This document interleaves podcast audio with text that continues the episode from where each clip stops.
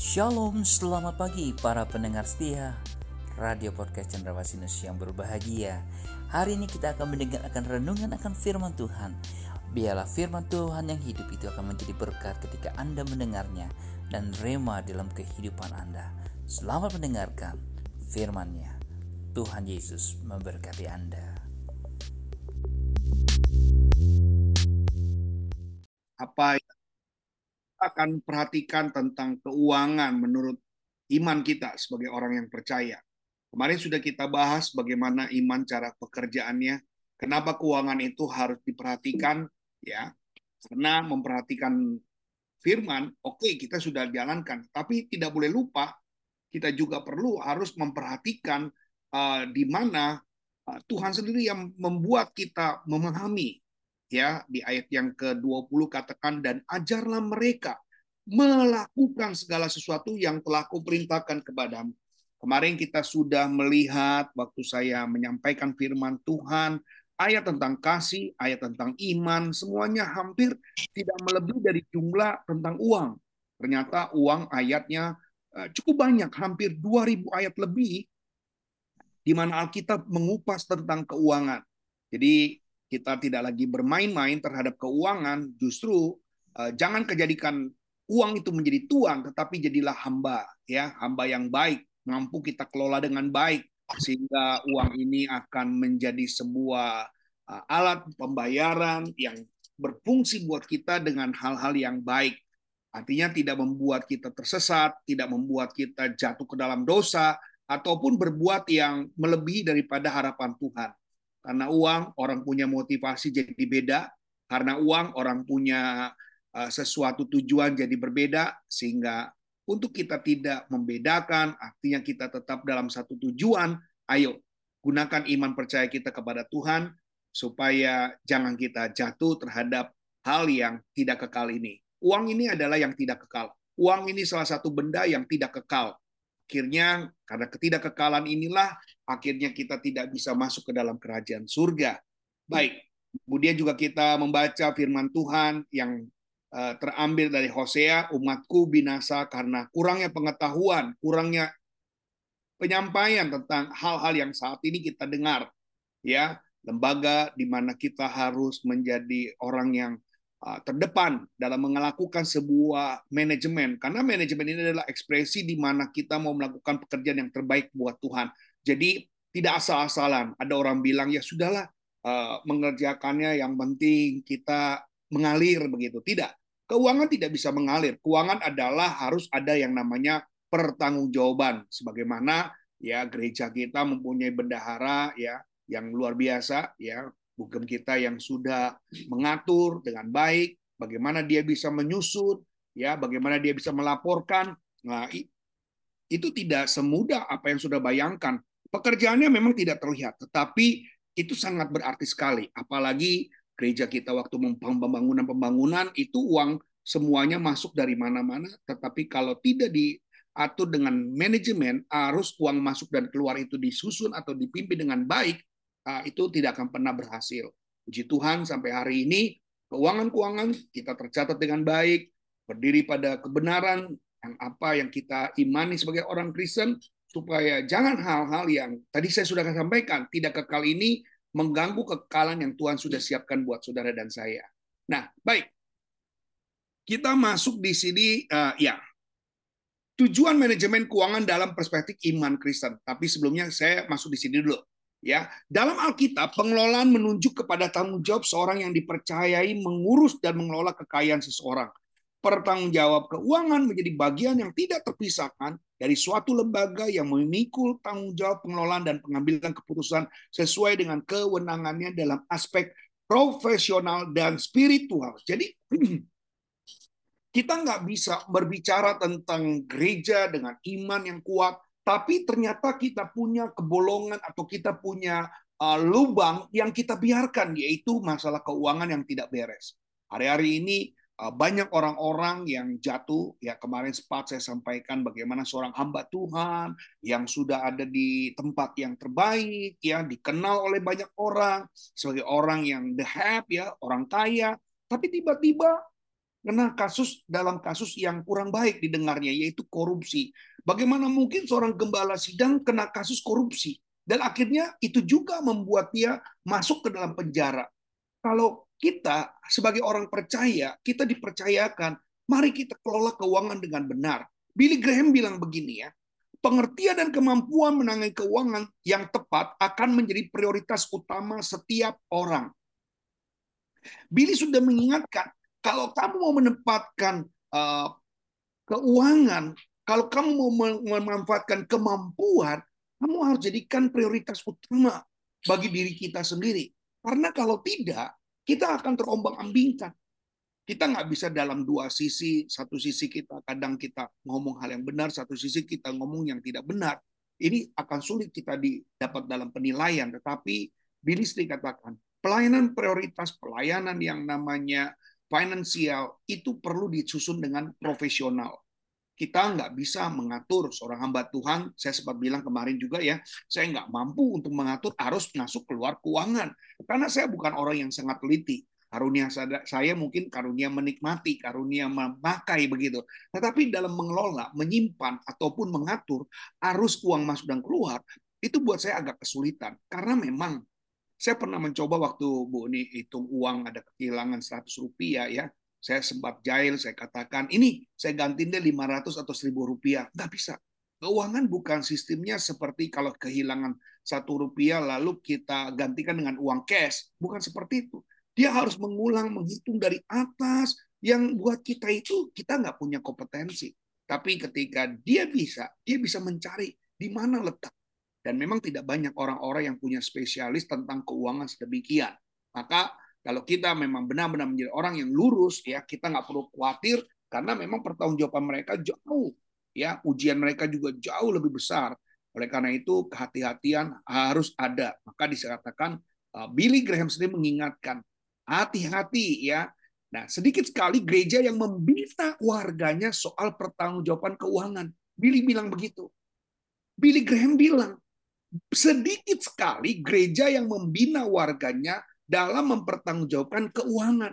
Karena memang gereja lebih banyak fokus kepada uh, iman, melayani, penginjilan.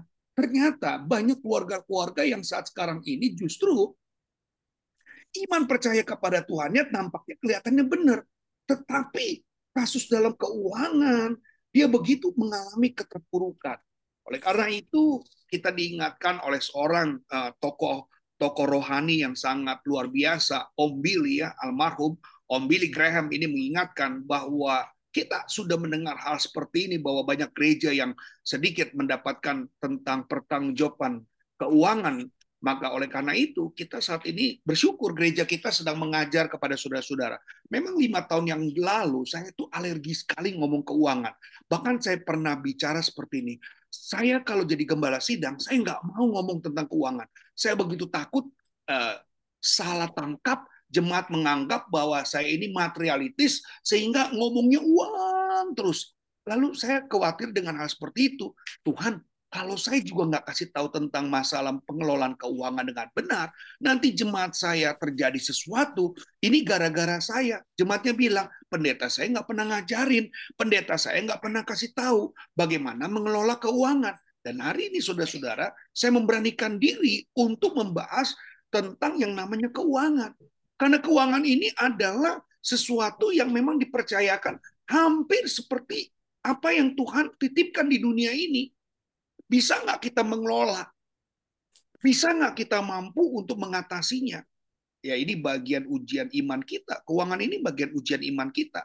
Kalau kita memang eh, lurus, kalau kita memang hal yang baik kita lakukan, ya kita beruntung. Kalau kita sudah gagal, eh, jatuh karena keuangan, ya contohnya saja seorang pemuda yang kaya, bagaimana dia bilang saya 10 hukum Taurat sudah saya lakukan, tapi tiba-tiba Tuhan suruh dia jual hartanya, begitu berat hati dia. Sehingga dia lebih rela kehilangan keselamatan daripada uangnya.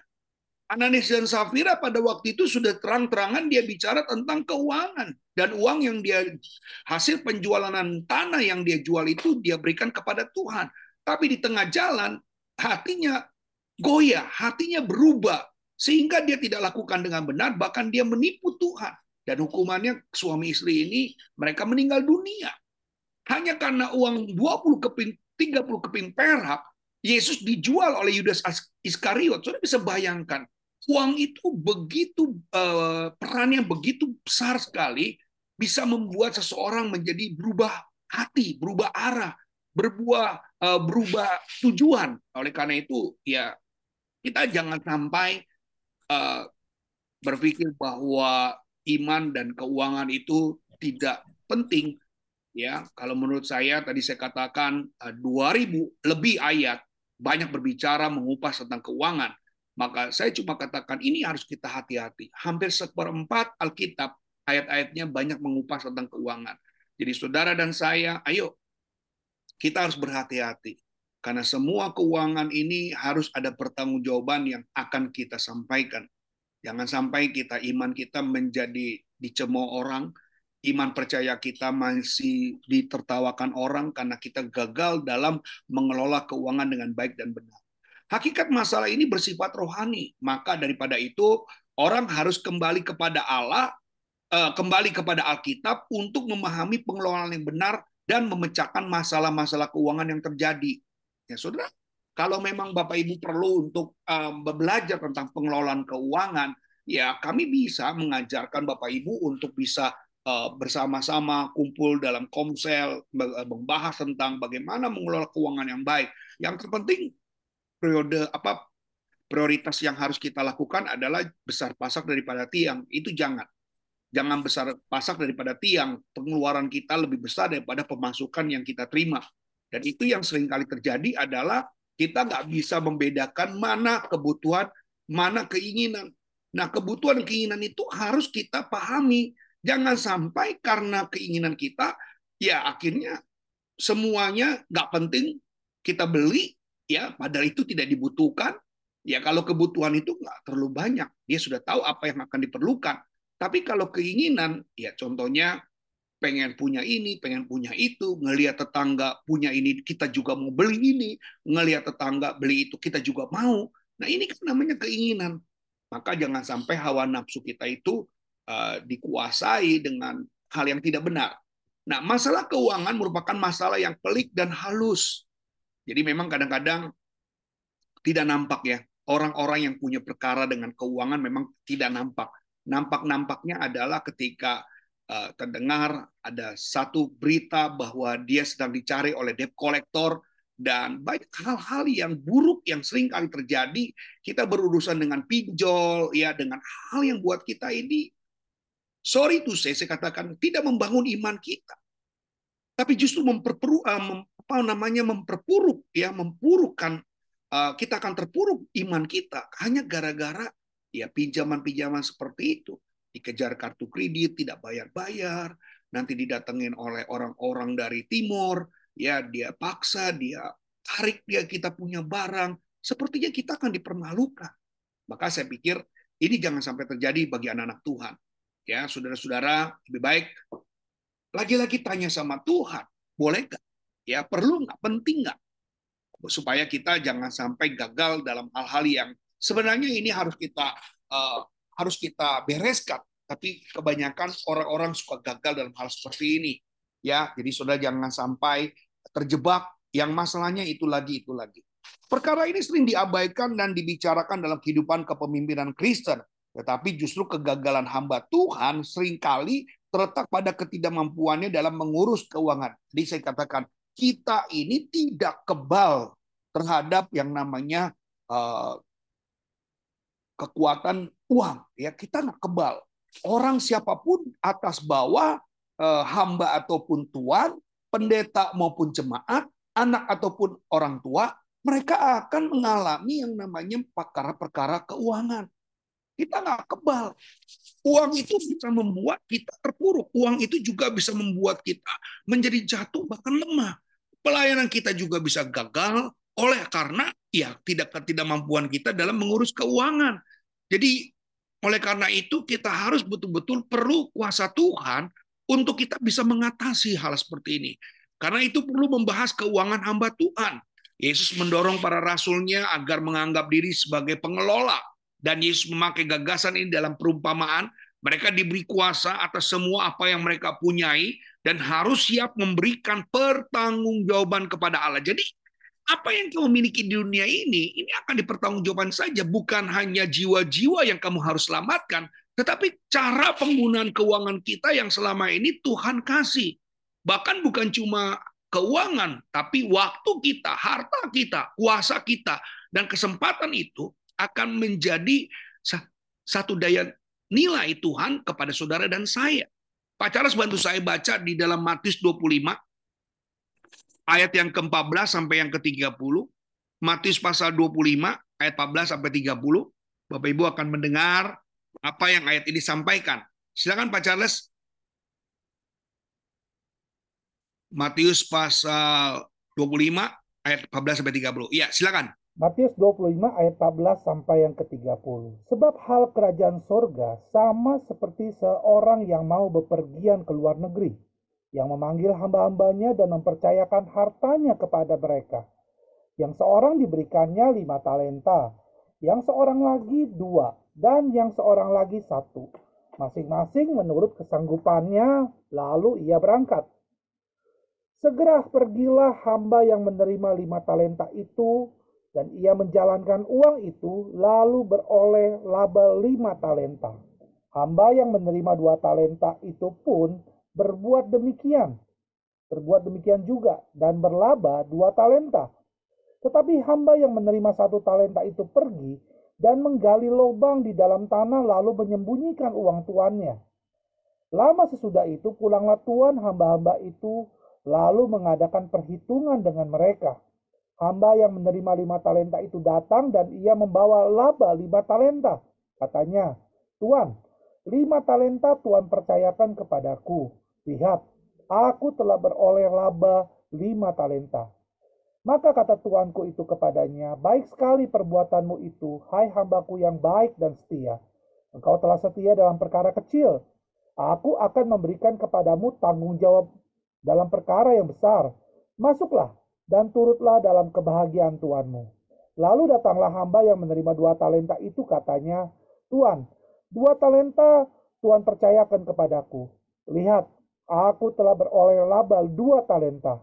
Maka kata tuannya itu kepadanya, baik sekali perbuatanmu itu, hai hambaku yang baik dan setia. Engkau telah setia da engkau telah setia memikul tanggung jawab dalam perkara yang kecil. Aku akan memberikan kepadamu tanggung jawab dalam perkara yang besar. Masuklah dan turutlah dalam kebahagiaan Tuanmu. Kini datanglah juga hamba yang menerima satu talenta itu dan berkata, Tuan, aku tahu bahwa Tuhan adalah manusia yang kejam, yang menuai di tempat di mana Tuhan tidak menabur, dan yang memungut dari tempat di mana Tuhan tidak menanam. Karena itu aku takut dan pergi menyembunyikan talenta Tuhan itu di dalam tanah. Ini terimalah kepunyaan Tuhan. Maka kata tuannya itu, hai kamu hamba yang jahat dan malas.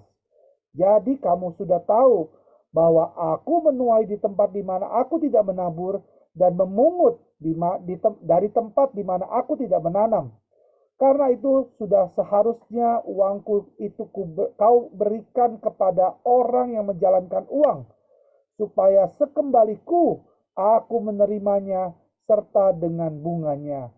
Sebab itu, ambillah talenta itu daripadanya dan berikanlah kepada orang yang mempunyai sepuluh talenta itu.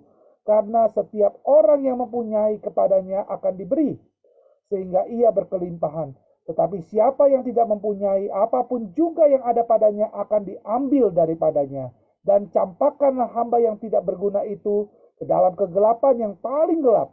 Di sanalah akan terdapat ratap dan kertak gigi. Amin. Ini sangat jelas ya, terima kasih. Sangat jelas bahwa apa yang kita lakukan, apa yang kita kerjakan tidak di dalam satu pengerjaan yang benar dengan yang cara dengan cara yang baik, maka semuanya itu ada pertanggung jawab.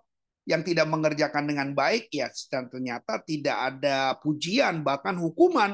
Oleh karena itu jangan menganggap enteng tentang keuangan yang saudara ini sedang kelola maka saya katakan kalau keuangannya beres, pasti imannya juga beres sama Tuhan. Kalau kenapa keuangannya berantakan, pasti imannya lagi berantakan sama Tuhan. Jadi saudara-saudara harus kita uh, pahami bahwa orang-orang percaya pasti saya katakan sudah pasti orang-orang percaya dia pasti memiliki keuangan yang baik. Kenapa? Karena dia tahu bagaimana uh, suatu kebutuhan, keinginan yang tidak dimulai dengan cara ceroboh. Dia sudah tahu karena keuangan yang kita kita gunakan dengan cara yang lalai ini sama saja membiarkan iman kita digoda, membiarkan iman kita diganggu. Iman percaya kita kepada Tuhan itu diproses. Mungkin kita menang terhadap orang yang ngomongin kita, kita menang terhadap orang yang jolim dengan kita, tetapi kita kalah dalam melihat kalau ada barang kita kepingin beli. Kalau saudara buka Tokopedia, pengennya pesen barang, ya mungkin uangnya nggak ada. Bilangnya COD. Waktu COD saudara nggak punya uang, pinjam sana, pinjam sini. Setiap saudara buka TikTok, Shopee, saudara selalu berkeinginan untuk membeli. Ini yang harus saudara kuasai. Apa bedanya iman kita digoda, iman kita diganggu dengan cara kita sering kali ngelihat Shopee, ngelihat Tokopedia, ngelihat toko-toko yang lain, ya online online lain, TikTok, Instagram Top, semuanya saudara kepingin beli. Nah ini kan bukankah sesuatu yang uh, dikatakan nafsu si jahat. Jadi saudara-saudara kita harus pahami Kenapa keuangan kita berantakan? Kenapa kita besar pasak daripada tiang? Yang tadi, kita tidak bisa menahan diri. Menahan diri bukan hanya masalah berbuat dosa, termasuk menggunakan uang kita, memakai keuang kita tidak dengan bijak, itu juga sama dalam kesalahan besar. Ya. Nah, mempertajam gagasan itu Paulus menganggap diri sendiri sebagai hamba Allah, bukan saja dalam arti umum melainkan juga sebagai pengelola atas anugerah Allah. Yang Paulus dimaksudkan adalah seluruh pekerjaan sebagai seorang rasul dalam mengabarkan Injil dan mendirikan gereja. Dengan kata lain, Paulus merasa bahwa ia berhutang kepada semua orang non-Yahudi atau Yahudi dan bertanggung jawab untuk membayar dan dengan pekerjaan penginjilannya.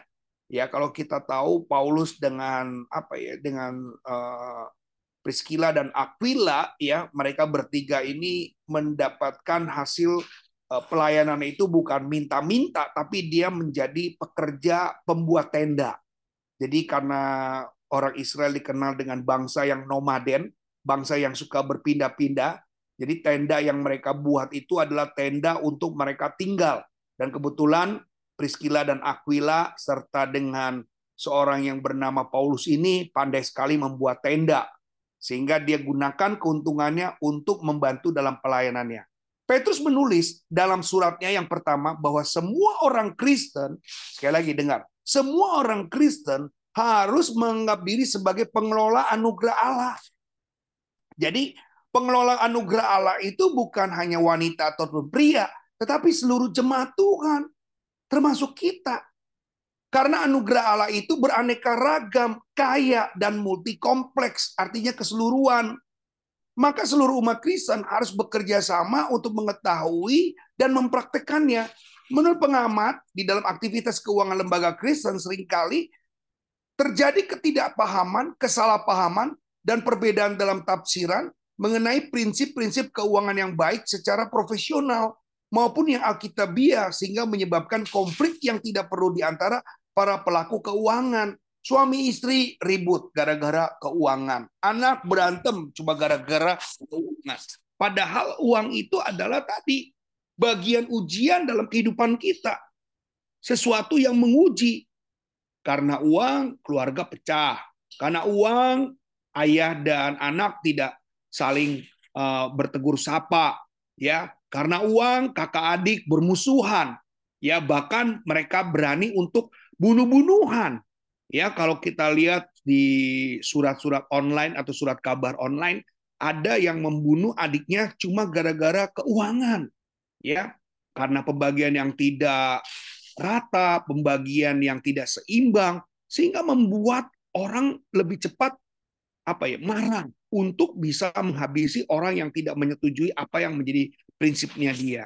Nah, di samping itu belum adanya literatur yang komprehensif dengan ciri khas budaya organisasi lembaga Kristen tentang prinsip-prinsip keuangan. Betul. Memang agama Kristen tidak mengatur tentang keuangan, tapi membicarakan keuangan banyak. Ya karena memang keuangan-keuangan ini kan dibeda sertakan dengan cara Alkitab dulu menggunakan garam ya. Garam masih dijadikan sebagai uang begitu. Ya, kalau sudah perhatikan garam itu dulu dipakai sebagai alat bayar, ayat alat untuk membeli. Jadi orang membeli apa pun dengan yang namanya garam. Hari ini kan sudah berubah, diganti dengan uh, kertas, dengan logam, ya, dengan eh, kertas-kertas uh, demikian menjadi barang-barang yang bisa ditukar menjadi keuangan. Jadi suka sulit untuk disamaratakan karena Alkitab sudah lebih dulu sebelum uang ini uh, sudah beredar ya. Tapi puji Tuhan kita sudah punya mata uang tersendiri. Bahkan semua negara memiliki mata uang sendiri sebagai tanda uh, pencapaian uh, suatu negara ya.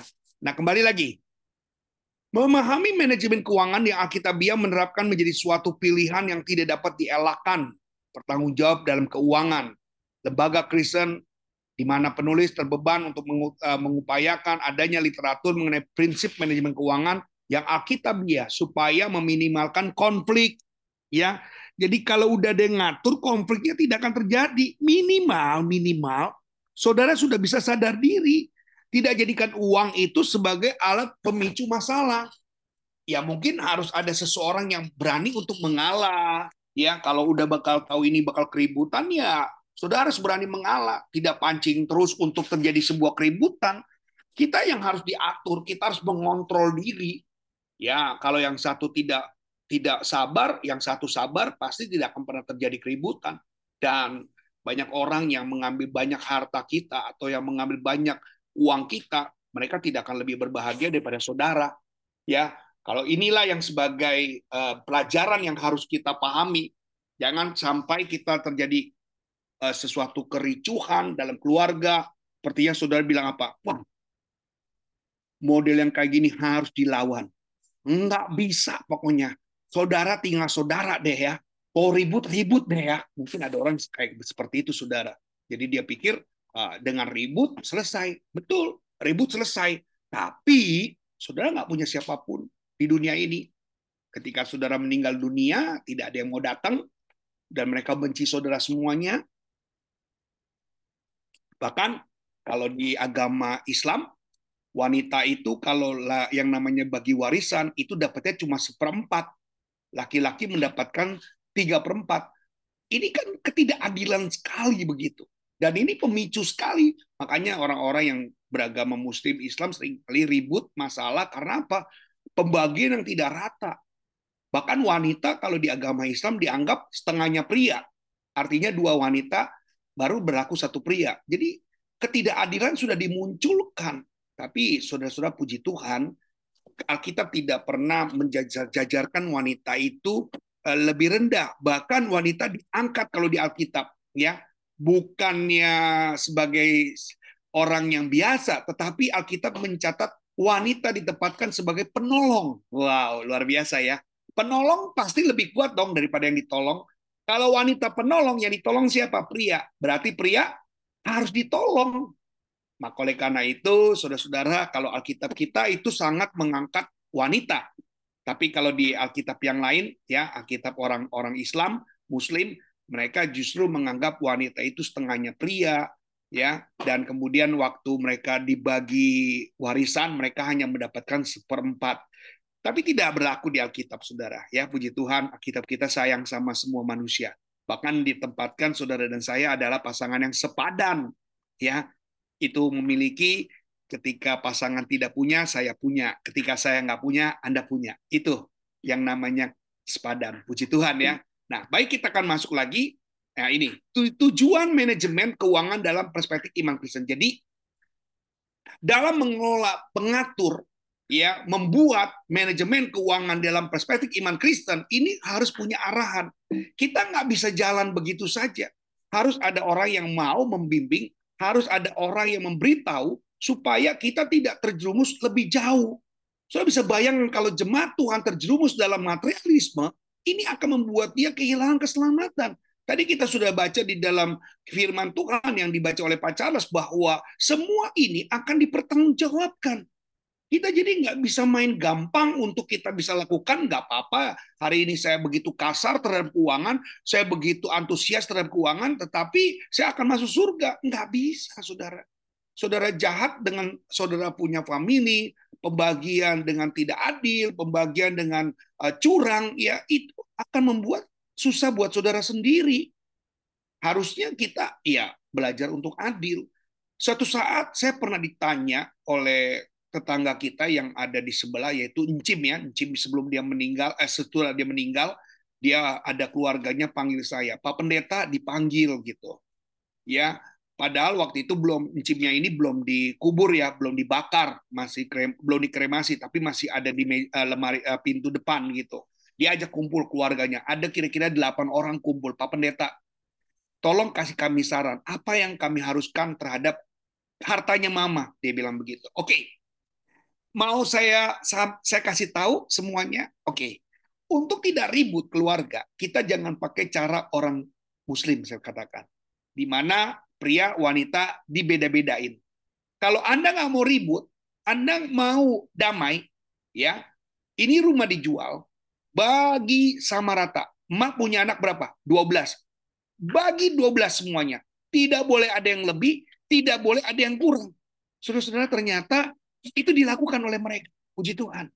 Dan mereka tadinya memang sudah ada yang iri hati karena mereka punya anak laki ada lima, itu mau lebih besar. Pada saat mereka bertanya dengan saya, saya kasih tahu cara seperti itu, akhirnya mereka menyetujui. Dia bilang apa? Iya begitu dong, itu yang benar adil. Jangan melihat saya kaya, kemudian saya dikasih lebih dikit. Tapi kita bagi rata. Ntar kalau saya udah dapat, mau bagi orang kek, mau bantu gereja kek, mau buat apa kek, terserah saya. Wow, saudara-saudara puji Tuhan, dia sempat mereka bertanya dan saya tidak terlalu banyak bicara, saya cuma begitu. Sebenarnya apa yang mereka lakukan itu saya juga lakukan. Ya, jadi kalau kita mau tidak ada keributan, tidak ada yang namanya perpecahan, akhirnya mereka tetap jadi saudara. Coba saja kita kurangi satu persen, dua persen, tiga persen, dibagi lebih banyak si A karena dia anak besar, si kecil dikasih yang lebih kecil karena dia anak kecil, nggak bisa, saudara. Inilah yang namanya pemicu. Dimulai dari apa? Sebenarnya pemicu keributan adalah keserakahan. Ya, amin. Keserakahan. Ketika keserakahan itu muncul, aduh saudara, kan saya katakan, yang banyak korupsi itu bukan orang miskin, orang kaya. Tadi dari beberapa hari ini istri saya dengerin saya selalu dengarkan tentang pejabat-pejabat politik yang baru saja ketangkep karena masalah uh, uang begitu. Dan saya lihat mereka bukan orang miskin. Mereka mengambil 27 miliar, mereka mengambil 30 miliar, saudara. Bahkan di dalam kantornya ada 35 miliar uang cash. Mereka bukan orang miskin. Mereka orang yang sudah sangat kaya raya. Tapi kenapa? Oleh karena itu, semua berakar dari keserakaan. Jangan dipikir. Saya bilang enggak, kita nggak kebal. Pejabat pemerintah apakah dia kebal terhadap keuangan? Enggak bisa. Pendeta kebal enggak. Jemaat kebal enggak. Kita ini begitu rentan, mudah untuk terjatuh ke, terhadap yang namanya dosa keuangan. Oleh karena itu banyak berdoa Bapak Ibu. Banyak berdoa supaya ingat kita mati nggak bawa apa-apa. Jangan sampai yang tidak kekal ini membuat keselamatan kita menjadi lenyap. Amin. Jangan sampai mendingan kita makan sederhana daripada kita makan penuh tapi banyak orang yang menangis karena gara-gara apa yang kita lakukan. Ya. Jadi saudara-saudara, mari kita buka pikiran kita, kita buka kembali. Sebenarnya Tuhan tidak pernah salah dalam memberikan keuangan kepada saudara dan saya, tapi justru ending kita mau seperti apa? Kenapa Tuhan tidak menjadikan kita kaya raya? Ketakutannya adalah kita meninggalkan iman kita, kita lupa sama Tuhan, kita nggak deket lagi sama Tuhan. Ya, kalau orang yang sudah sering kali diberkati Tuhan, apakah dia lebih rajin berdoa? Pasti berkurang. Orang yang sudah diberkati, apa-apa sudah punya, rumah lebih banyak, dia mau ke mana bisa, apakah dia akan menjadi orang yang rajin berdoa? Belum tentu, saudara. Bisa-bisa uang itu membuat dia jadi malas. Uang itu membuat dia banyak kegiatan. Uang itu membuat dia lebih banyak wisata. Uang itu membuat dia bisa pergi ke mana-mana. Maka oleh karena itu, yuk kita hati-hati. Bijaklah dalam mengelola keuangan. Amin. Saya lanjutkan kembali. Ya, setiap manusia membutuhkan sesuatu termasuk uang dan harta. Itu nggak bisa dipungkiri. Memenuhi kebutuhan hidupnya. Apa pun yang dibutuhkan manusia untuk memenuhi kebutuhan harus diperlakukan sebagai alat dan bukan tujuan. Ya, kalau harta benda yang dan uang sudah menjadi tujuan, maka orang itu sudah mulai ter, jerumus dengan yang namanya materialis. Ayo kalau kita pokoknya segala sesuatunya Ya, kemarin kita udah bahas kita hidup untuk uang atau uang untuk hidup ya. Jadi saudara sama seperti yang kita kemarin bahas ya, melayani Tuhan atau Tuhan yang melayani, semua sama. Nah, Tuhan Yesus mengingatkan bahwa ada hal yang lebih penting daripada materi. Apa gunanya seorang memperoleh seluruh dunia tapi kehilangan nyawanya? Hidup ini lebih penting daripada makan dan tubuh ini lebih penting daripada pakaian. Dengan demikian harta benda dan uang dibutuhkan untuk hidup. Setuju? ya bukan hidup untuk harta benda dan uang. Saudara tidak melayani harta. Saudara harusnya berpikir melayani Tuhan. Maka kadang-kadang kalau melayani Tuhan, saudara lebih apa ya, lebih berat begitu. Tapi kalau melayani tentang uang, wih saudara begitu getol. Saudara lebih takut datang terlambat dari ke kantor daripada ke gereja. Betul apa betul? Ya, saudara lebih takut terlambat di kantor daripada terlambat di gereja saudara lebih takut untuk tidak masuk kerja daripada pergi ke gereja. Kalau saudara pergi ke gereja, sakit dikit, saudara bisa langsung bilang, ah nggak ke gereja dulu, ah pusing. Tapi kenapa kalau ke kantor, saudara sakit dikit, tetap saudara masuk? Kalau ukurannya juga cuma seperti itu. Kalau saudara Tuhan bisa dikalahkan, ya saya cuma bilang itulah cinta saudara. Kalau saudara dikasih angka 1 sampai 10, berapa angka saudara? Kalau saudara berani meninggalkan Tuhan karena tadi kalau saudara pusing dikit ke kantor, tetap saudara hajar terus. Karena saudara takut kan, gaji saudara dipotong, gaji saudara dikurangi. Tapi kalau ke gereja sakit dikit, ya saudara nggak merasa utang apa-apa. Nggak ada yang berani memotong utang saudara. Tetapi dengar baik, Tuhan tahu apa yang ada dalam hatimu. Ya, ke gereja justru hanya dua jam, harusnya kita lebih semangat. Ya, kadang orang, aduh sakit dikit, terlalu manja, terlalu cengeng, begitu dia pikir, ah udahlah saya minggu depan saja ke gereja. Padahal di situ adalah ujian kita. Ujian kita itu sebenarnya sudah kita dampak ke dalam keseharian kita. Kita udah menang belum? Kadang-kadang manusia ini banyak kalahnya. Ya jujur ya saya katakan kita ini banyak kalahnya. Bahkan Tuhan banyak ngalahnya. Ya ingat ya Tuhan banyak ngalahnya. Nah harta benda jadi gini kita banyak kalahnya Tuhan banyak ngalahnya. Harta benda dan uang janganlah menjadi tujuan hidup. Kalau tujuan hidup saudara akan diperbudak, tidak diabdikan untuk harta benda dan uang. Ingat, jangan mengabdi kepada harta, jangan mengabdi kepada benda, jangan mengabdi kepada uang. Saudara itu demi uang, kepala jadi kaki, kaki jadi kepala. Saudara berani untuk hadapi. Uh, di pikirannya selalu uang, uang, uang. Salah nggak? Ya ini yang salah. Jadi kaya nggak salah, tapi mau menjadi kaya itu yang sangat berat. Sudah harus pikirkan. Ada yang berani, dia tinggalkan Tuhan cuma gara-gara uang, ya bisnis demi suatu bisnis ribut dengan teman cuma masalah uang. Di tadi pagi jam 10 saya kedatangan eh, tamu-tamu saya, ya ada dua orang menghadap kepada saya umurnya dengan saya sudah cukup jauh. Dia umurnya hampir 65 tahun gitu ya. Dan berdua mereka cerita dengan saya bagaimana dia mengalami slack dengan teman-teman bisnisnya, lalu sedikit curhat, bercerita dengan saya. Saya katakan, ya kalau ada orang yang hanya mencari uang, dia tidak akan menjadi teman yang baik. Tapi kalau dia mencari teman yang baik, dia akan menomorduakan uang. Banyak orang tuh sering kali berani menghancurkan reputasi nama baiknya sendiri demi gara-gara uang. Dan saudara jangan sampai kita justru gagal hanya gara-gara sesuatu yang sempat buat kita ini hanya sementara. Ya, kalau memang belum waktunya, saudara jangan ngoyok kata orang tuh jangan ngoyok, ojo ngoyok gitu. Belum waktunya, sudah nggak usah memaksa diri. Tiba waktunya, Tuhan akan berkati kita. Ya, dan Tuhan tahu kapan dia harus memberkati, kapan dia harus mengatur saudara untuk mendapatkannya. Jadi jangan sampai Bapak Ibu yang kekasih dalam Tuhan hari ini sudah mulai salah dalam menempatkan uang dalam pikiran kita atau uang dalam hati kita. Jangan mencintai harta benda ataupun uang walaupun membutuhkannya. Ya, coba Pak Charles bantu saya Matius 6 ayat 21. 2 Timotius 3 ayat 2 1 Timotius 6 ayat 10. Ya, silakan. Matius pasal 6 ayat yang ke-21 demikian firman Tuhan karena di mana hartamu berada di situ juga hatimu berada. hatimu berada. Harta berada, hati berada. 2 Timotius 3 ayat 2. 2 Timotius 3 ayat yang kedua, Hmm. manusia akan mencintai dirinya sendiri dan Ya. hamba uang. Mereka akan membual dan menyombongkan diri. Mereka Membual, akan menjadi pemfitnah.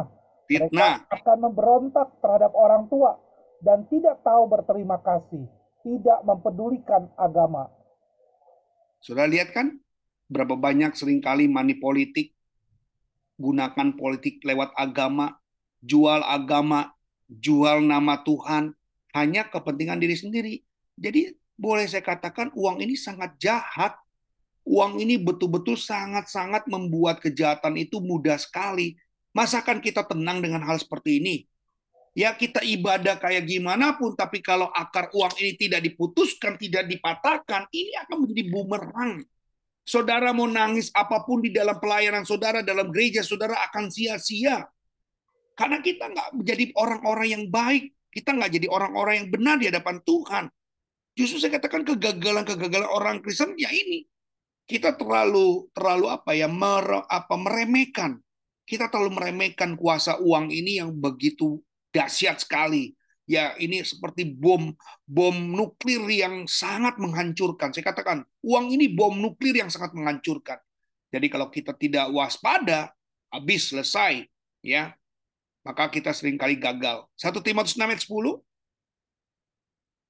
Ya, 1 Timotius 6 ayat yang ke-10 karena akar segala kejahatan ialah Hmm. cinta uang.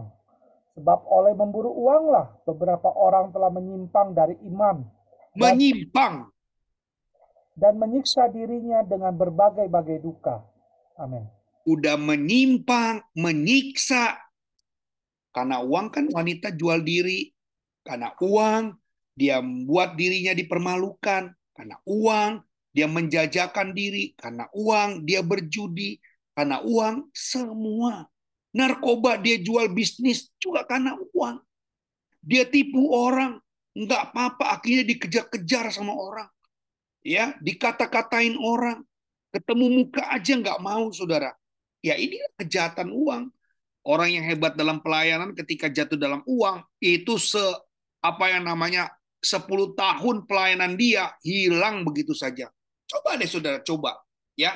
Orang itu hebat dalam pelayanan selama 10 tahun. Kurang lebih dari 2012 lah. 2012 sampai 2022 eh, 2024 dia itu begitu hebat selama 12 tahun dalam melayani Tuhan. Tiba-tiba jatuh dalam keadaan eh, karena perkara uang. 12 tahun atau 10 tahun pelayanan dia itu hilang. Coba deh saudara, hilang. Sepertinya nggak pernah ada teringat. Lain kalau 12 tahun melayani terus yang meninggal saudara. Oh, saudara akan jadi cerita indah. Saudara diceritain dengan hal yang bagus. Ya, coba kalau saudara meninggal gara-gara saudara dibunuh karena utangnya banyak. Selesai. Ya, mereka akan bilang, ih nggak sangka. Saya pikir dia itu malaikat. Ternyata, wow. Ya, Bapak Ibu, oleh karena itu, ayo. Ya, kalau kita sudah mulai banyak mendengar apa yang saya sampaikan ini, ya hidup kita akan lebih berhati-hati. Amin. Kita lebih berhati-hati.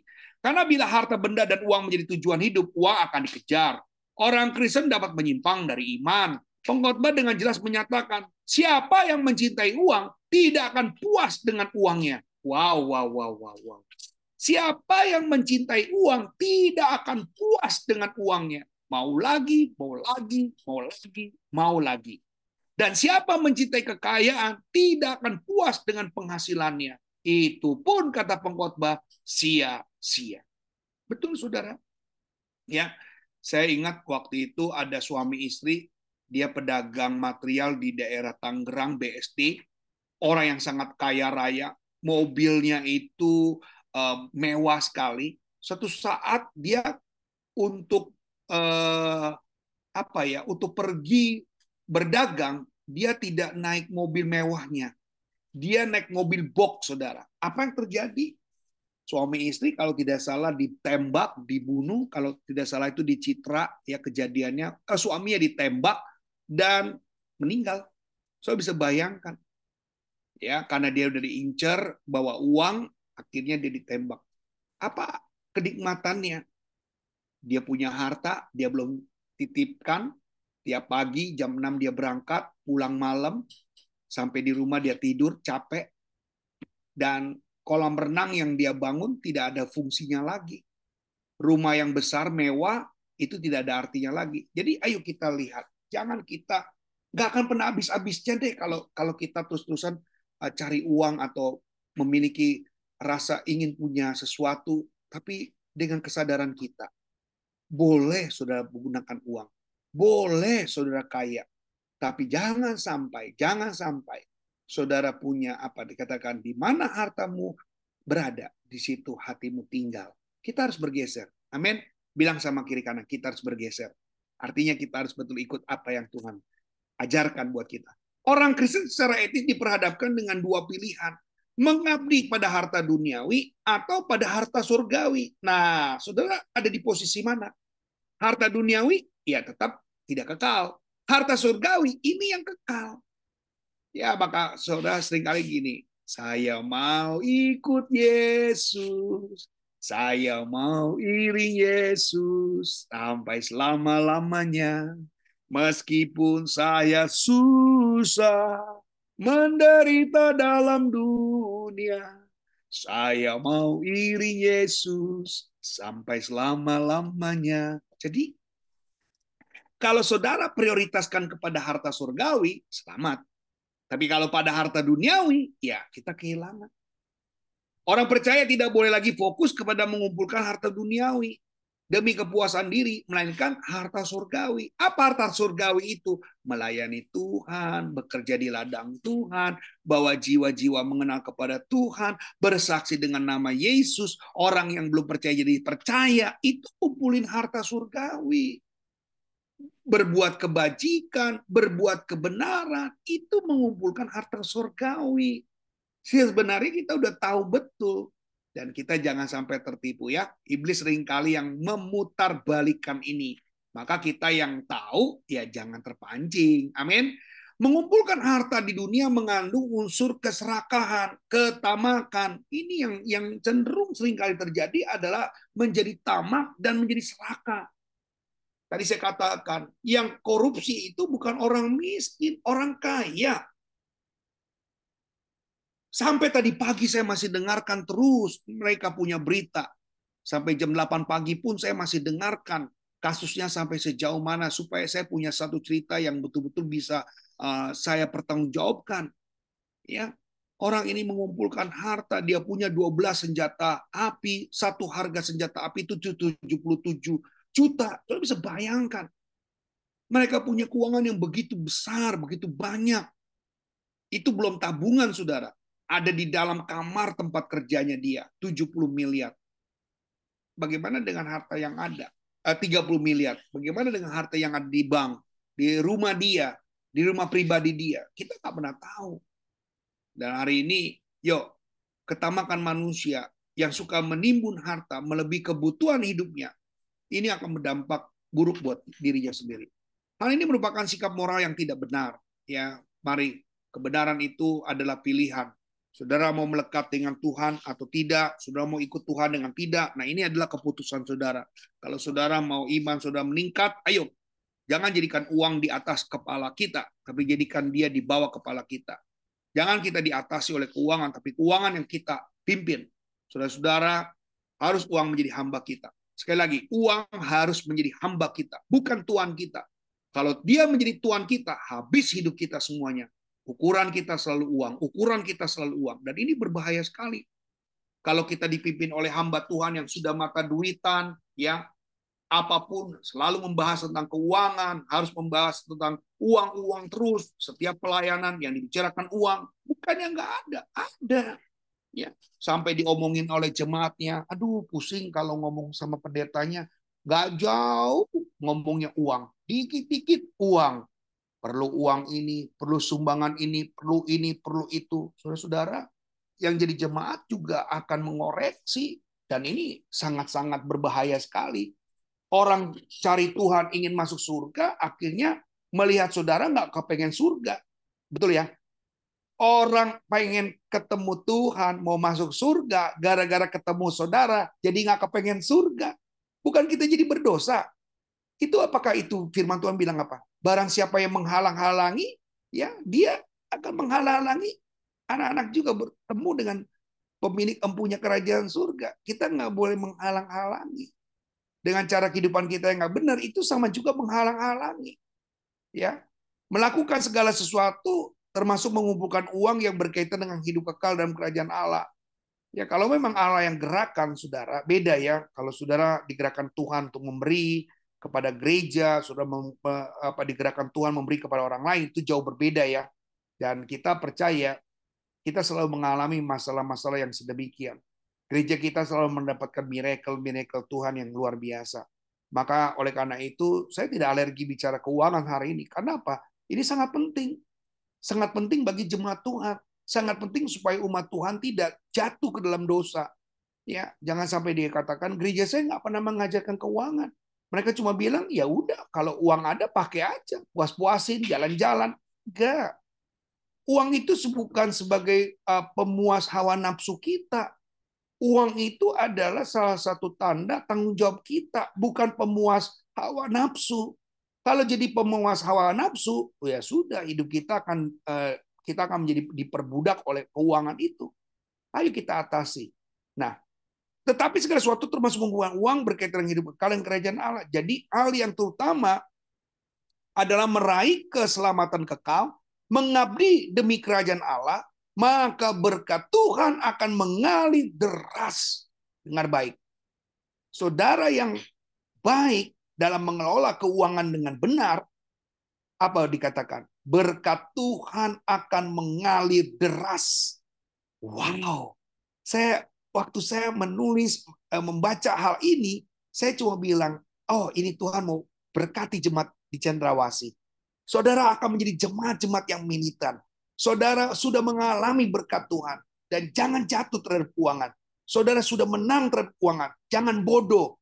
ya Jangan terpancing dengan hawa nafsu yang sesaat.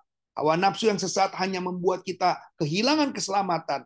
Jangan sampai orang yang mau percaya sama Tuhan menjadi tidak percaya, tidak mau percaya kepada Tuhan hanya gara-gara lihat tingkah laku kita. Ayo kita sama-sama mengambil satu keputusan ya saya nggak mau tamak, saya nggak mau serakah, ya saat Tuhan berkati ya saya berkati dengan cara saya.